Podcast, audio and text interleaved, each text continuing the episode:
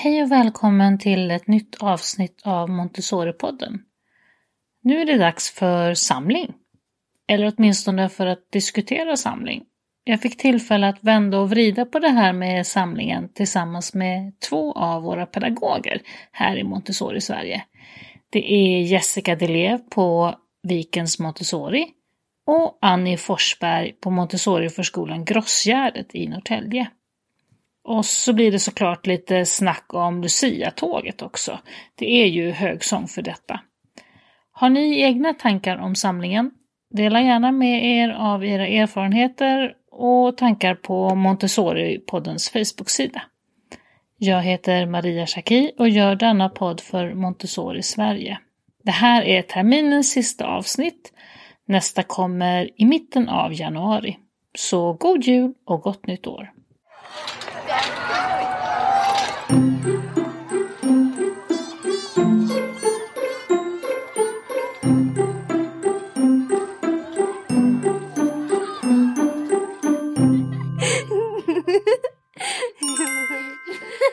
Välkomna till Montessori-podden Jessica och Annie. Hej. Tack så jättemycket. Jag tänkte innan vi, vi ska prata om samling idag. Och innan vi börjar med det, eller jag tänkte vi börjar med att eh, ni två ska få presentera er helt kort. Vilka ni är och var vi hittar er. Vi är olika delar av landet nu. Vi börjar söderut. Jessica? Mm. Eh, hej, eh, Jessica Delev heter jag. Jobbar på Vikens Montessori i eh, ja, Höganäs kommun är det ju. Ehm, eh, jag jobbar just nu med tre och fyraåringar men vi följer våra barn från eh, tre års ålder upp till de börjar eh, förskoleklassen. Mina utbildningar är eh, förskollärare och Montessori-pedagog och en Regionilia-utbildning som jag har. Och så åker vi lite norröver, ända upp till Norrtälje. Ja, hej! Annie heter jag. Jag eh, jobbar som sagt i Norrtälje eh, på Grossgärdet Montessori förskola.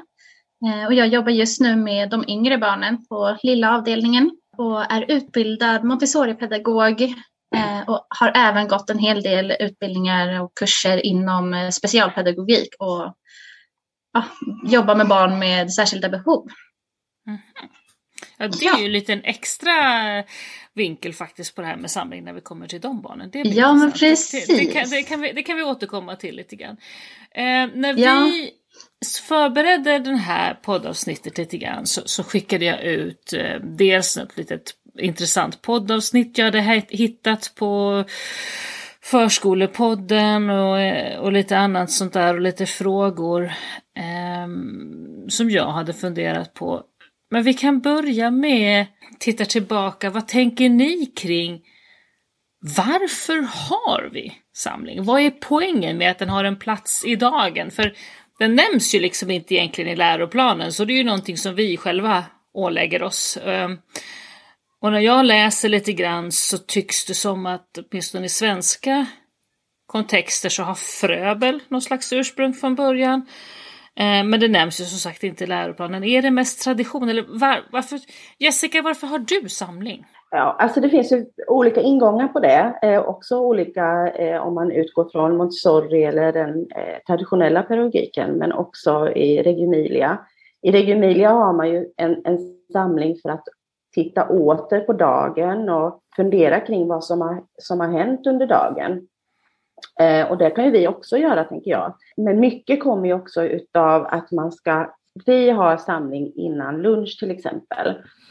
Därför att då måste vi, och vi kan inte använda borden längre för att de måste det dukas på. Eh, och vad ska barnen göra då? Vi måste samla ihop dem någonstans. Men vi har också en väldigt fin samling. En återskapande eh, samling över dagen som vad har vi gjort? Vad har vi åstadkommit? Vad har vi lärt oss? Också att vi kan plocka upp saker som barnen har visat särskilt intresse för och fördjupa oss i. Kanske starta ett projekt. Men det är ju viktigt att vi har en tanke med samlingen såklart. Och det har vi alltid. Mm. Mm. Så det är liksom både lite grann en praktisk anledning att vi kan faktiskt inte vara vid borden, vi måste vara någon annanstans, vad gör mm. vi då? Men också att, då, men att det då har ett innehålls... Eh, en anledning rent innehållsmässigt också. Liksom. Ja, samtidigt så är det ju också faktiskt att barn behöver struktur över dagen. Att kunna eh, skapa vissa delar av dagen som barnen känner igen. Eh, när det är samling så vet de att ja, då har vi kommit till mitten av dagen ungefär och nu är det lunch och sen vet man att sen ska man gå ut och, och sådär. Eh, lika väl som vi också har lite bildspel som man kan använda sig av för att veta var på dagen man är. Det är ju jätteviktigt att barn känner trygghet till det. Att vissa saker är helt återkommande men det kan vara olika saker i samlingen, men vissa saker också återkommande samma varje dag. Annie, vad tänker du? Varför har du samling?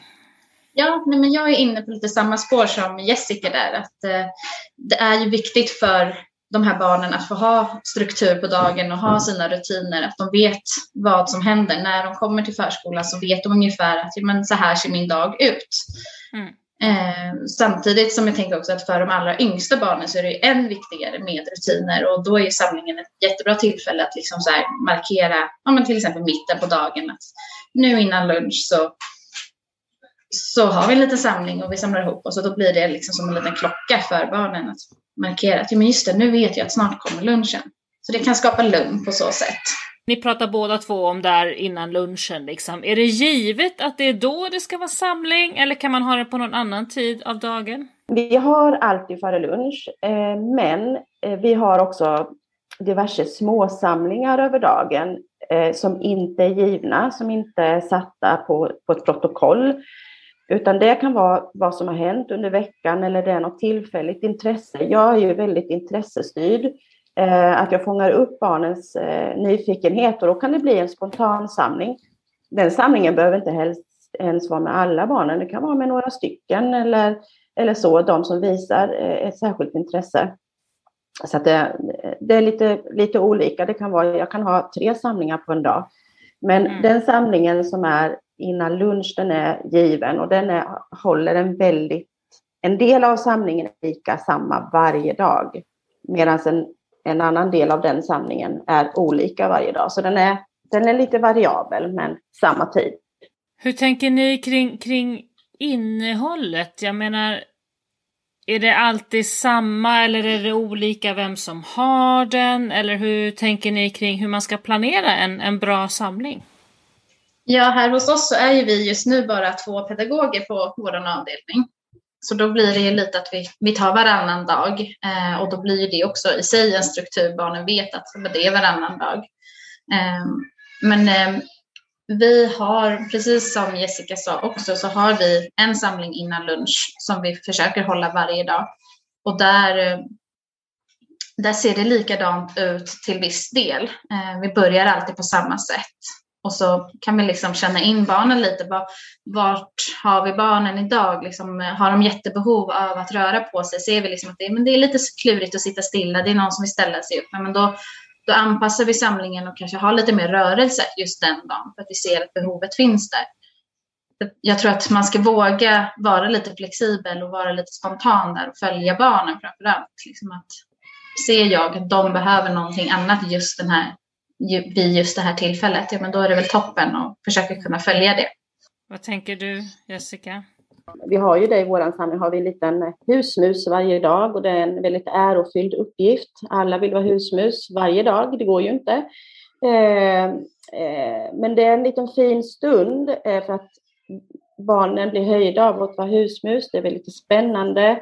Ehm, de får berätta vad, hur det ser ut över dagen, vad det är för väder, vad det är för dag och så vidare. Och det är lite som den här lilla eh, som du skickade till oss.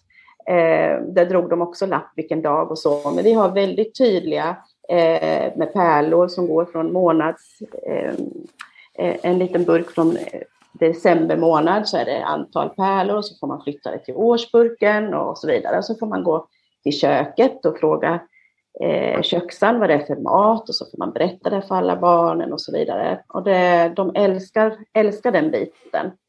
Men det är ju inte bara det som ingår i en samling utan det är ju också det här spontana eh, som Annie säger att man får ta det för dagen men också att man är väldigt väl inläst på vad man ska göra. Så det, det får inte bli för spontant för då, kanske det blir paj, pajas av det. Vad, vad, tänker ni för er del? Vad är liksom, du nämnde här som vi skickade en liten rolig krönika som jag hittade själv i tidningen Förskolan för kanske 25-30 år sedan om ah, en, en, en liten karikatyr på en samling som den inte ska vara. Eh, vad, mm. vad tänker ni kring vilka samlingar har ni själv hållit som ni kanske är mindre stolta över? Hur, hur är en, hur är en liksom när går ni ifrån en samling och tänker okej, okay, det här blev ju, den här stryker vi från historien. ja, men det är väl de gånger då man kanske känner sig jättestressad, man försöker fånga alla barnen samtidigt och man är på flera platser samtidigt och man känner liksom så här, okej, okay, vänta nu, vad blev det här ens för samling? Vad har jag pratat om? Vad har vi gjort? Eh, när man just tappar den här strukturen och kanske lite mitt eget förhållningssätt. Ja, men nu, nu syntes det att jag var jättestressad. Mm. Eh, det är väl de som man känner sig mindre stolta över. Men vi alla är ju människor så det är klart, det händer ju. Det är så är det mm. Jag tycker det kan hända att, eh, att man är väldigt väl förberedd egentligen eh, och har en jättebra idé tycker man själv. Och ja. det ska bli jättespännande. Och sen så när man har samlingen så fångar man inte barnen riktigt. Och då, då blir man lite sådär, jag är lite besviken på sig själv, eh, för man tänker att ja, men hur kunde jag ha så fel? Jag trodde verkligen att det här var en jättegrej.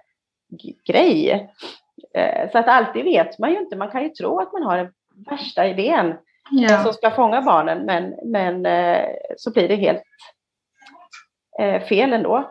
Ja. Mm. Mm. Ni har ju båda två arbetat en tid. Hur upplever ni att har, har samlingen förändrats över tid? Fungerar samlingen annorlunda nu än vad den gjorde när ni kanske började jobba? För min del så tänker jag att vi eh, är nog mera eh, tänker eh, läroplan. Jag, I alla fall jag. Eh, att jag är mera aktiv i att, alltså mer noggrann i att, att få väl genomtänkta samlingar än innan. Eh, kanske har man också då missat lite med, med det här med, med sångsamling och eh, lite mera spontana. Alltså jag kan tycka lite synd ibland, men eh, jag tycker själv att jag är mera, ehm, kanske lite mera fyrkantig faktiskt, eh, nu när jag har samling, för att det är så, jag är så noggrann nu, lite för noggrann. Mm. Ja. Mm. Så du har gått från att liksom vara det här eh, vad ska man säga, den här bara hållpunkten på dagen som är mera sångsamling och, och så till, till att bli väldigt lite mer läroplansstyrd så att det kanske blev lite för, för lite utrymme för spontanitet? Eller så du ja, och kanske inte, jag tror att jag skulle behöva vara lite mer lekfull ibland. Ibland så mm. känner jag själv efter jag har gått ifrån en samling att det är så himla planlagt och, och inte så lekfullt som, som man kanske egentligen hade behövt att vara. Jag, jag tycker att det är lite synd och ibland så mm. tänker jag på det och då försöker jag att få in det också. Men, det, men sen så glider man tillbaka till det här att det ska vara lite för planlagt och lite för strukturerat. Mm. Vilket ofta funkar jättebra. Det är jättebra samlingar så det är inte så. Men jag kan känna själv att jag är inte så lekfull som jag var innan. Men tänker hur tänker ni lite grann kring eh, en samling på... Är en samling på en Montessori-förskola annorlunda än på en traditionell förskola? Jag tror nog kanske till vissa delar att det är det. Ehm, men jag har inte riktigt jobbat, jag har jobbat på en traditionell men jag fick ändå jobba Montessori-inspirerat. Så jag kan inte riktigt säga det. Jag vet faktiskt inte riktigt, men jag, jag tror, jag tror nog att vi alltid jobbar utifrån eh, våran Montessori-inspiration i våra, våra samlingar. Så jag, jag, skulle tro att det och vad är det du tänker då är liksom lite specifikt då i samlingen av Montessori-inspirationen som du säger? Alltså, ja, men eh, att vi, vi använder oss jättemycket av att eh, det här eh, artighetsfraser och, och eh, att vi jobbar kring det här sättet hur man är mot varandra hela tiden, alltså som ett, som ett löpande band i, i verksamheten som till exempel nu så har vi ju ett, ett litet hjärta som alla har vid sin plats, eller man lägger ut på morgonen och så sätter de sig vid sin plats. De ska läsa, var sitter jag? Alltså alla sådana här små detaljer, att vi använder språket hela tiden i de här. Och det kanske man gör också i en vanlig, i och för sig, men jag tror att det är i det hela så uttänkt hela tiden med att lära sig själv och se sitt namn, sina bokstäver. Vi jobbar så hårt hela vägen med det utan att vi ens tänker på det längre tror jag. Att de ska se sina andra kompisars namn också på de här hjärtan. Vilka kompisar är borta? Så ska de kunna läsa sina kompisar. Och de, jag tror att det är annorlunda. Jag tror faktiskt det. Jag, jag, tänker det här du säger med, med artighetsövningar, just våra så kallade gras och artighetsövningar, grace and mm. courtesy som vi säger, mm. att de finns med ganska naturligt i samlingarna eller borde göra det. Det är nog ett ganska typiskt inslag. Hur mycket använder mm. du just gras och artighetsövningar i samlingen? I samlingen är det varje dag. Eh, mm. när vi, när vi eh, eh, har satt ner och sen så har vi en liten korg vi ska lägga ner eh, vårt lilla hjärta i. Eh, och sen skickar man till grannen och säger man eh, då till exempel varsågod Kalle. Och så lägger Kalle i sitt kort och så säger de att tack så mycket Stina eller vem det nu är som sitter där. Mm.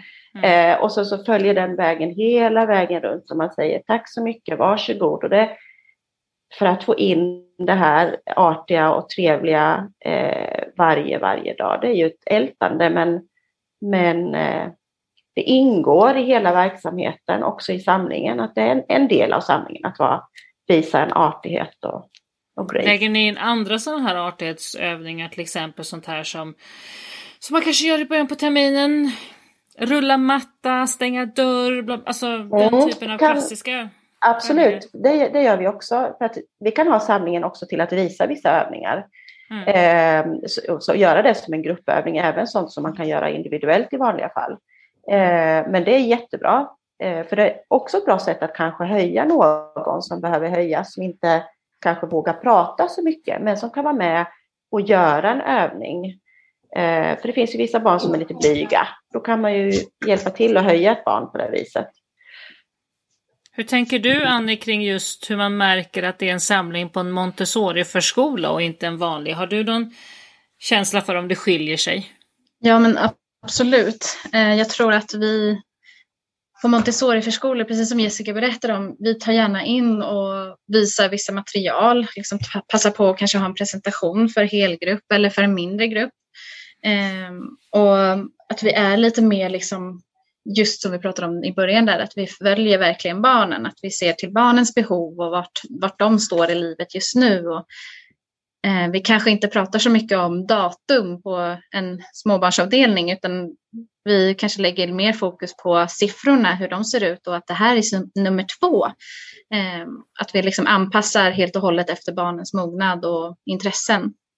Det är den största skillnaden jag har sett. Hur många är ni i era samlingar? Jag tänkte, nu skillnad såklart, du hos småbarn just nu, ja. de yngre barnen och Jessica hos de äldre. Men vad tänker, vad tänker du Annie, vad är liksom en optimal samlingssituation?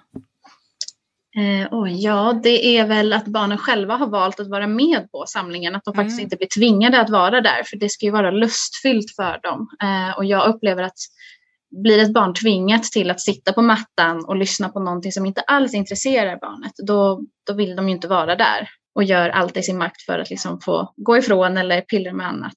Så att optimalt är väl liksom för det första att barnen vill vara med eh, och att man vågar dela upp samlingen och ha mindre grupper. Nu har jag lyxen, eller vad man ska säga, att vi bara har sju barn i barngruppen. Mm. Eh, så det är ju väldigt bra, liksom, då kan man ha samlingen själv som pedagog och ändå försöka få med sig alla barnen och locka till liksom, en lustfylld samling. Eh, är man fler barn då tror jag att det, då krävs det också att fler pedagoger är med. Det är fortfarande bara en som håller i den men att man är några fler händer som kan hjälpa till. Liksom. Det är ju, jag har ju också jobbat en hel del på småbarn och de, när man gör det, när man jobbar med de yngre barnen, mm. så är ju de väldigt direkta i sin respons på hur rolig ja. eller intressant du är. Verkligen. Du säger, tycker de att den här samlingen inte är något kul, då reser sig de och Ja. går. Då går man. Liksom, nu är vi klara med det här, så! ja. Eh, de har liksom inte riktigt den här känslan som kanske en fyraåring har att okej, jag tycker att det här är rätt tråkigt, Mm. men jag sitter kvar. Bara för att jag vet att jag borde göra det. Precis, men det gör ju inte en tvååring, de bara Nej. går. Så man blir Ja. på något sätt lite mer påmind om som pedagog att okej, nu är jag supertråkig, nu får jag skärpa till mig. Mm. Exakt. Så. Men det tycker jag är ett ganska bra hjälpmedel just när man sitter där och håller i samlingen. Att se liksom, att nej, men nu börjar de här ja, yngsta barnen liksom röra och vända och vri- vrida lite på sig. Och det, man ser att det kryper lite i kroppen och någon går därifrån. Då vet jag att okej, men vänta då. Om jag ändrar tonläge nu eller nu tar jag fram mina händer och låtsas som att jag gömmer någonting i mina händer. Kan jag locka barnen då? Liksom? Att Mm, mm. det blir som ett kvitto på att okej, nu måste jag förändra någonting här för att nu är jag en liten tråkig robot som bara sitter och maler på. Hur tänker du kring det Jessica? Vilket så att säga ansvar, vad som handlar om, om hur barngruppen beter sig kontra hur vi har faktiskt Mm. har förberett en rolig samling och hur tänker du kring det samspelet? I, I vår samling, den som vi har precis innan lunch, där har vi ju 20 barn, lite drygt till och med. Mm. Eh, och det är ju ganska många att, göra nöjda. Eh, men det går ganska bra. Det, det som kan vara lite svårt ibland är ju att vissa barn, som, alltså det, även om det är bara två år som, eller skiljer, tre till, ja, det är ju egentligen ett år, men ja. Mm.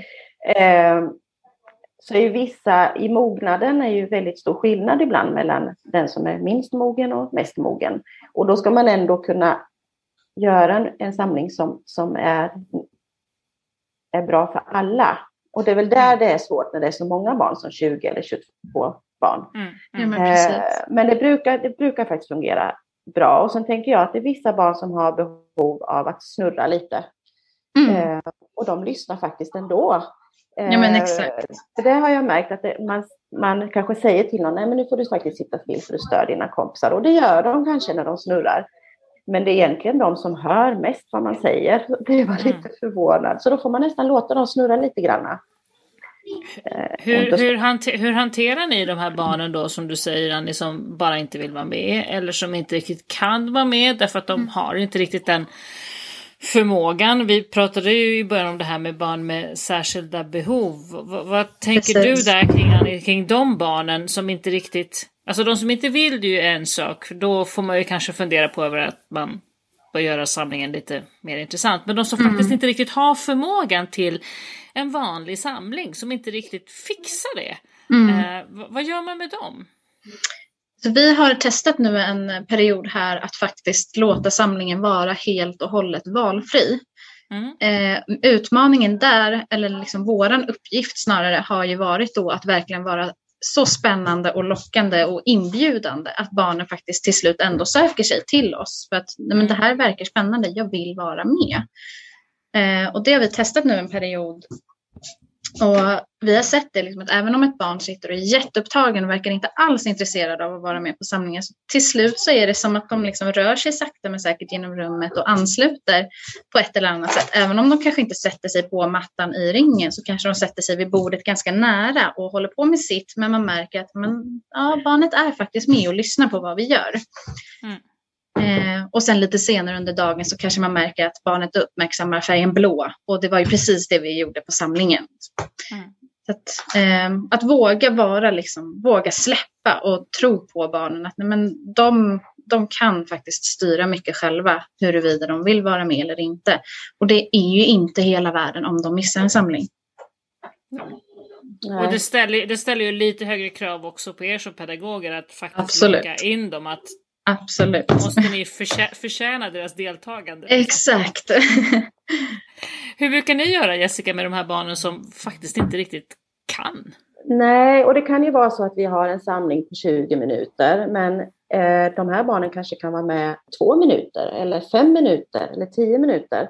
Mm. Eh, att man ändå vågar plocka med dem och vågar involvera dem i samlingen, precis som man gör med alla andra barn. För ibland kan det bli att man kanske att omedvetet att man låter dem vara med, men man involverar inte.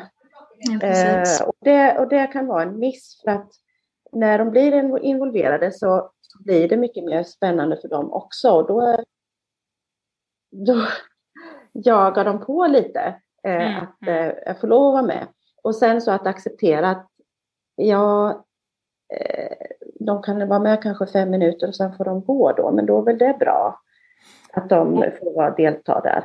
Och hur, hur hanterar ni det i relation till de andra barnen sådär att det är okej att de går iväg och inte de andra gör det och den här diskussionen liksom, du vet det är orättvist. Hur, så, ja, hur gör ni med det? Men jag, jag uppfattar inte att, att det blir en rikt... Ja, det, ibland så pratar vi pratar öppet om att vi kan alla ha olika svårigheter och, och sådär. Eh, och jag uppfattar inte att barnen tycker att det är orättvist eller att de klagar att så vill jag också göra eller, eller så vidare. Eh, utan eh, de förstår mycket väl alltihopa. Jag, jag, vi har inte de problemen utan eh, hellre för att man försöker att involvera eh, barnen så mycket som möjligt så blir det mm. naturligt. Det blir naturligt, det är inte ett problem. Men att man, man pratar lite mer om sådär att ja men han kan faktiskt inte riktigt sitta längre mm. än så här, men du mm. kan det. Mm. Vad bra! och, att det, och att man också involverar de andra barnen som inte har ett problem att hjälpa barn som har problem, så blir det fullt naturligt. Och där har vi mm. också grace och artighet som kommer in, att vi hjälper varandra med det vi inte kan. Mm. Eh, och då blir det en naturlig del i hela verksamheten, inte bara i samlingsverksamheten såklart. Mm. Mm.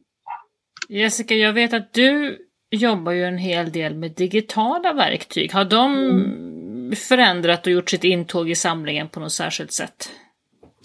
Eh, ja, det, det, kan man nog säga eh, till viss del. Eh, framför allt saker som vi kanske har gjort över dagen och filmat och, och pratat om, att vi kan ta det på en samling och titta och återge och återkoppla vad vi har gjort, vad vi har sagt, ett annat lärande, att, att få se sig själv ur en annan vinkel till exempel. Eh, för då ser barnen an, helt andra saker eh, i det de har eh, gjort under dagen. Det är också jättespännande. Mm. Man får en helt annan form av dialog och eh, diskussionsunderlag eh, som man kan dokumentera. Jättespännande. Hur mycket diskuterar ni med barnen om samlingen? Liksom? Hur mycket att ja, själva medbestämmandet, vad vi gör i samlingen och varför och hur den ser ut. Hur mycket liksom diskuterar ni de frågorna med barnen? Jag kanske inte diskuterar hur samlingen ser ut, att de får bestämma hur samlingen ska se ut egentligen, men vi kan ofta ta upp saker i samlingen som de har visat intresse för.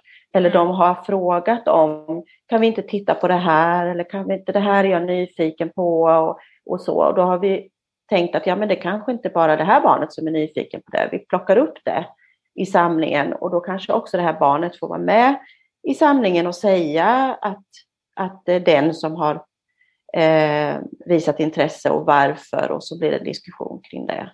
Ehm, så på så vis är de ju deltagare. Mm, mm. Och formar sam samlingen, inte varje dag, men eh, flera gånger i veckan, absolut. Du sa Jessica innan vi började spela in så sa du att i samband med att vi hade pratat om att vi skulle göra det här avsnittet så hade du börjat tänka lite grann mer och göra observationer just angående samlingen. Eh, vad har du observerat och grubblat över de sista dagarna kring samlingen? Eh, nej, men jag har väl funderat lite kring just innehållet och vad, vad måste vi ha och varför måste vi ha det och, och, så vidare. Men jag har väl kommit egentligen fram till att det vi gör är väldigt bra, att det, det är det. Men, men just sådana här eh, saker som när det är någon som inte vill vara med, att man kanske är lite för mycket ja men nu får du sitta och vänta Pelle och, mm. och, och sådär. Att det blir kanske, man blir lite mer observant på sig själv egentligen. Kanske inte samlingen i sig men, men hur man själv beter sig i samlingen och vad man gör och vad man hade kunnat göra lite mera. Vad tänker du Annie, hur har du jag vet att du också har reflekterat en del över samlingen. Vad, vad ja. har, hur har du tänkt kring det? Ja, men precis där som Jessica säger, man har ju dels börjat själv observera vad gör jag och hur låter jag och eh, vad är det jag gör som påverkar barnen? Eh, eller min kollega, vad gör hon nu? Liksom. Eh, så att man har ju blivit mer och mer observant på vad vi faktiskt gör under en samling och ja, vad innehåller den? Vad får vi med? Och är det saker vi får med som vi tycker att vi borde få med men som kanske inte alls intresserar barnen? Att man har verkligen börjat reflektera över att samlingen är ju faktiskt inte till för oss vuxna utan den är till för barnen. Vad har barnen för behov här? Mm. Eh, vad vill de göra och vad kan jag bjuda in till och locka med? Och vi har ju sett samlingen som ett liksom, jättebra tillfälle att få in de här delarna som kanske inte hinns med under dagen. Vi pratar om vädret eller vi, vi uppmärksammar vilken veckodag det är och sånt som kanske inte kommer lika naturligt under liksom, den vanliga verksamheten.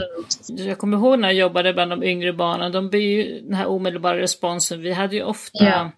eh, framme, vi hade ju lite sångkort och lite rytminstrument ja. som vi använde i samlingen och de var sen kvar på hyllorna, kommer jag ihåg. Ja. Liksom.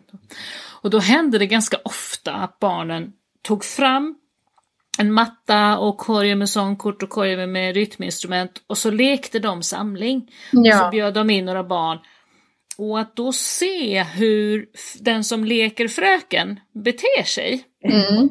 Det är, det är ett bra. intressant spegel.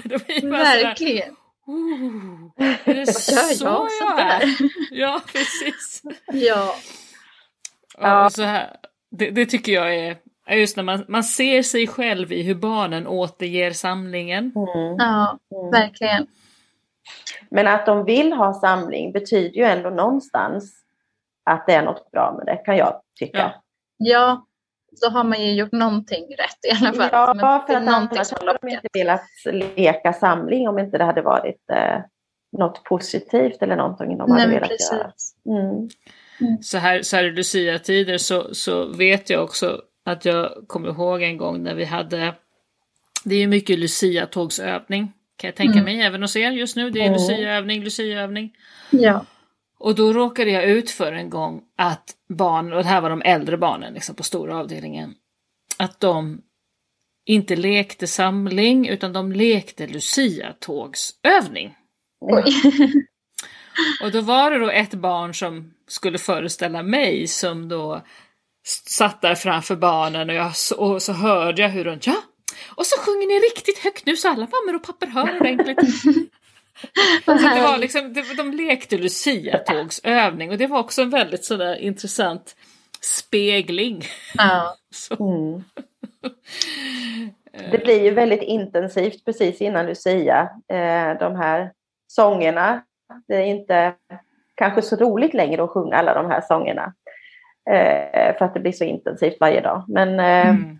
Hur tänker ni kring, kring just Lucia-tåg och Lucia-övningarna? Jag läste just i tidningen idag att många, nu är det ju speciellt just nu med corona och sådär och vi mm. vet ju inte ens om vi kan göra några vettiga Lucia-tåg eh, i år. Det känns ju högst oklart. Men, men alldeles bortsett från det, Eh, hur tänker ni kring sådana här saker med Lucia-tåg kontra huruvida det är roligt för barnen eller hur, vad man ska tvinga in dem i och, och hur man gör. Hur, hur har ni resulterat? Om vi bortser från hela coronafrågan som är speciell.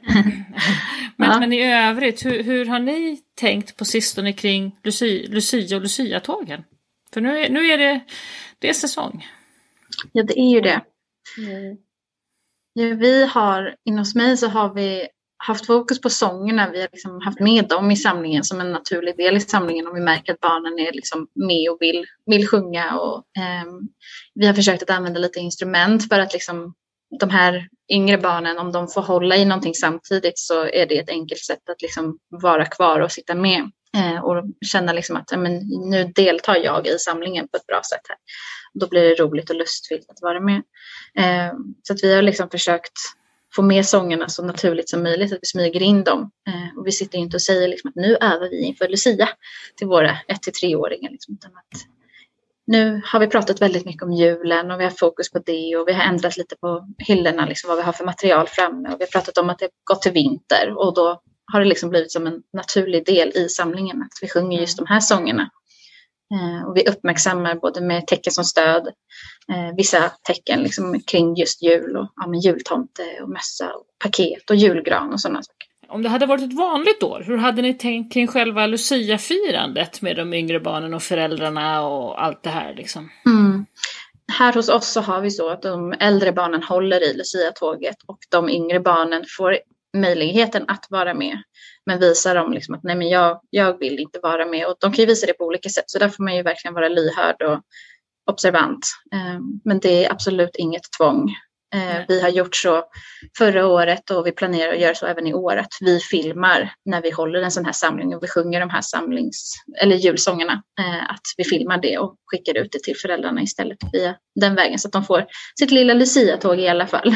Hur tänker ni normalt Jessica kring det här med Lucia och ja, den traditionen kontra barn som inte riktigt känner för det och tycker det är lite jobbigt men ändå en viktig tradition och ja, så. Mm. Ja, men vi övar ju såklart i Lucia och vi pratar mycket om det och så. Eh, barnen får ju klä ut sig som de vill och vara med om de vill. Men oftast är det ju så att fram till Lucia-dagen så vill alla barn vara med och de tycker att det är jättespännande. Men när det är dagen det sen så kan det vara vissa barn som, som eh, ja men det blir för mycket helt enkelt för dem. Eh, och då får de ju gå till mamma eller pappa som är där och, och mm. sitta med dem istället, så är det ju. Eh, det är ju inte roligt för någon om, om eh, de står och är livrädda framme och inte vågar sjunga. Eh, utan det ska ju vara som Annie säger, det ska ju vara lustfyllt och det kan ju vara spännande, det är spännande för alla barn. Men mm. vissa klarar inte av den där spänningen helt och hållet. Eh, och då ska de ju inte behöva det och det behöver de inte. Just nu i coronatider så har ju vi också, nu är det ju bestämt att man får, vi ska inte ha eh, någon betittad Lucia på plats. Mm. Men eh, vi kommer också filma eh, och lägga det till föräldrar så de ändå får ett Lucia-firande. Och det kan ju faktiskt vara enklare för, även för barnen för att det blir ju inte den pressen för dem. Nej, som när det står jättemånga vuxna och tittar på dem. Så det, det kanske är bra för alla egentligen. Mm. Det var, jag vet min, eh, en av mina systrars eh, barn går på en liten Montessori-förskola där de löste just den biten förra året genom att eh, de hade ett Lucia-tåg på förskolan och så hade, kopplade de upp sig på typ Zoom eller någonting, alla föräldrarna, och så satte de upp, barnen stod liksom och gjorde sitt, eh, och så satte de alla föräldrarna då som satt på Zoom på storbildsskärm framför barnen. Mm. Så barnen stod på ett luciatåg och så fick, hade de en kamera mot sig då. Och framför sig på en storbildsskärm så såg de alla föräldrarna då i massa små rutor så de hade ju faktiskt live-publik på det sättet. Vad härligt. Ja. På ett sätt blir det ju det. Ja, det var en ganska smart lösning för då kunde liksom, ja. då såg barnen i realtid att men här sitter ju föräldrarna och tittar på oss. Mm. Uh, och det var ju bara, och då kunde man ju faktiskt också kanske skicka den inbjudningslänken till någon farmor också som kunde sitta och titta och barnen såg sin publik. Mm.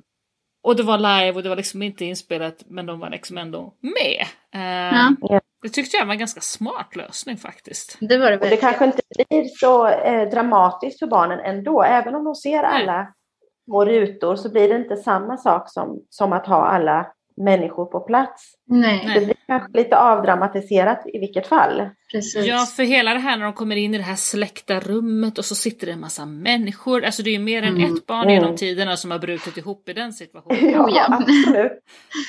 Mina barns eh, förskola gjorde de förra året. Då hade de placerat ut stolar i rummet eh, där barnen gick in och på varje stol så hade vi föräldrar fått eh, lämna foton på oss själva. Mm. Så hade de klistrat fast foton på varje stol så det, det var deras publik.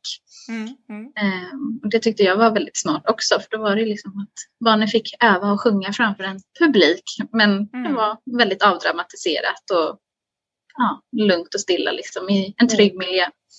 För hela det här med att uppträda på det sättet kräver ju viss um, lyhördhet från oss pedagoger. För de här barnen som tycker det är läskigt samtidigt som man ibland kan jag uppleva har en del barn har förvånat en. Ja, man sitter och diskuterar liksom, vad vill du göra och här har vi en vers, är någon som vill läsa? Och, ja. mm. och här, här hade det varit trevligt om någon ville sjunga solo, vem är sugen på det? Och då vet jag, ett år så var det en pojke, en femåring, som väldigt bestämt hävdade, ja men den där kan det ha varit Staffan Stalledäng, jag vet inte. Men det var någonstans där det var någon vers som skulle vara solo. Han sa, men det ska jag göra. Okej, okay, men jättebra. Ja. Och vi övade på det och jag var ganska ny så jag hade ingen riktig kännedom om de här, alltså ny på stället, så jag visste inte riktigt så mycket om barnen, vilket nog var tur i sammanhanget, så jag hade inga riktiga fördomar. För när vi sen har det här Lucia-tåget så kommer liksom pappan fram till mig och säger Vad har du gjort med min son? Och jag blev lite paff tänkte, vad ska han säga nu då? Ja. Alltså förra året ville ju inte han ens vara med och nu står han och sjunger solo. Vad har hänt?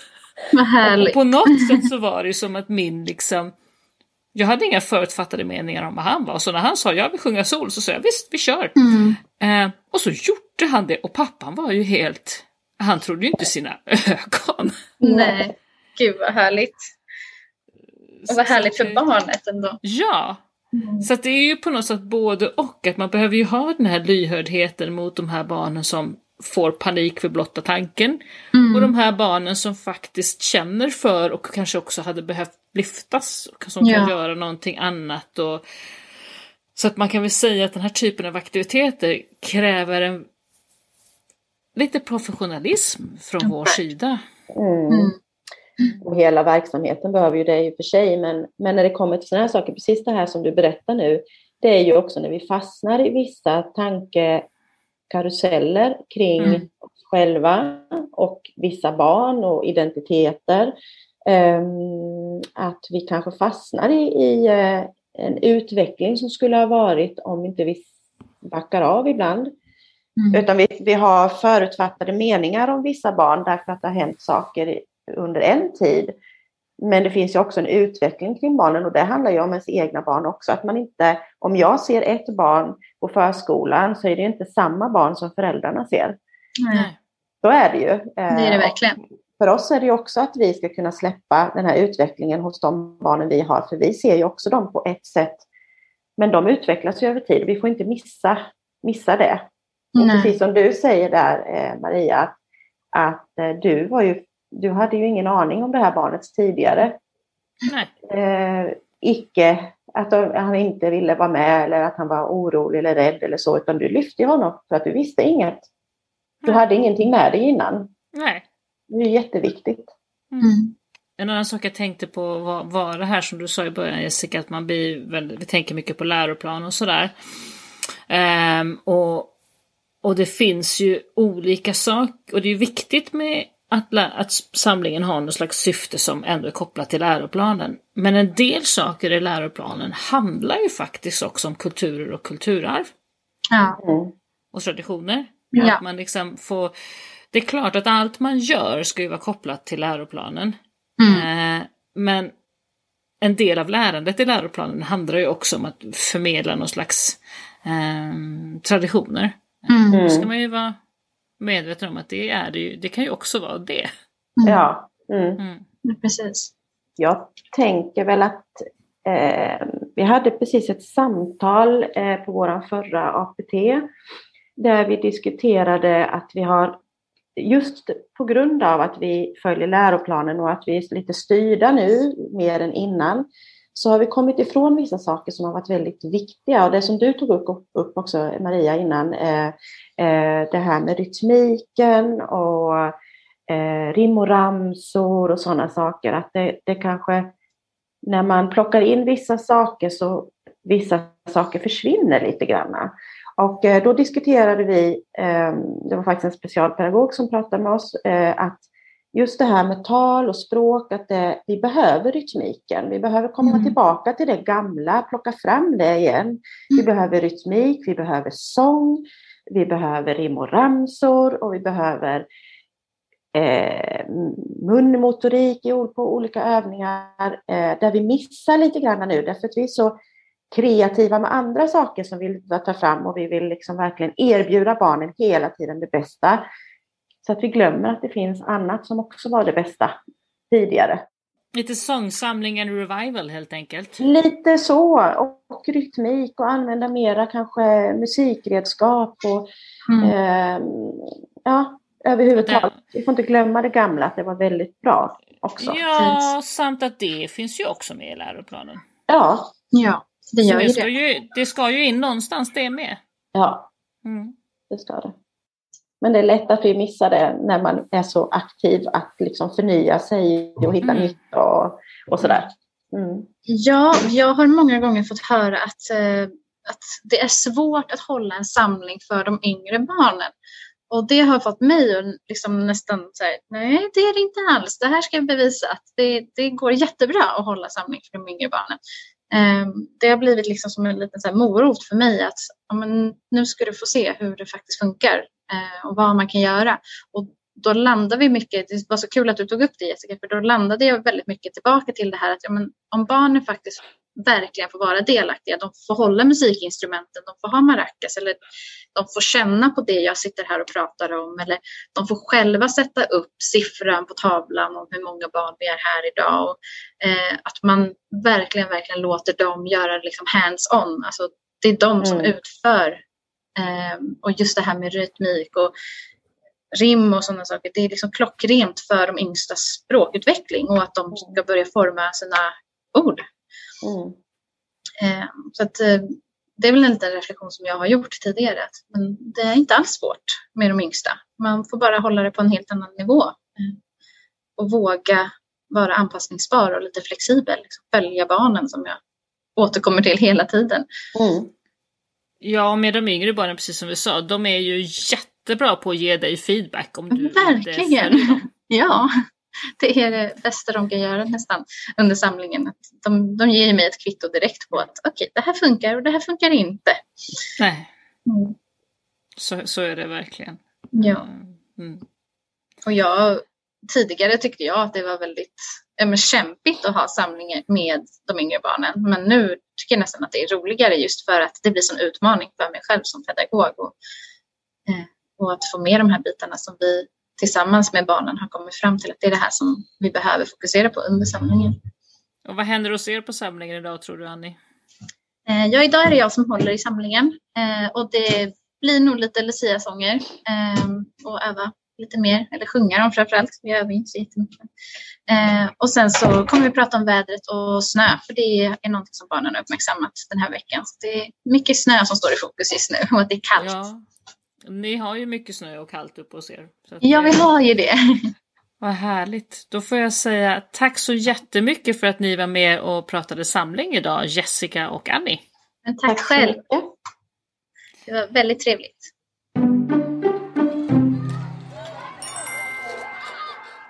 Tack för att du har lyssnat. Montessori-podden produceras av Montessori Förskolor och Skolor i Sverige AB. Du kan läsa mer om oss på www.montessorisverige.se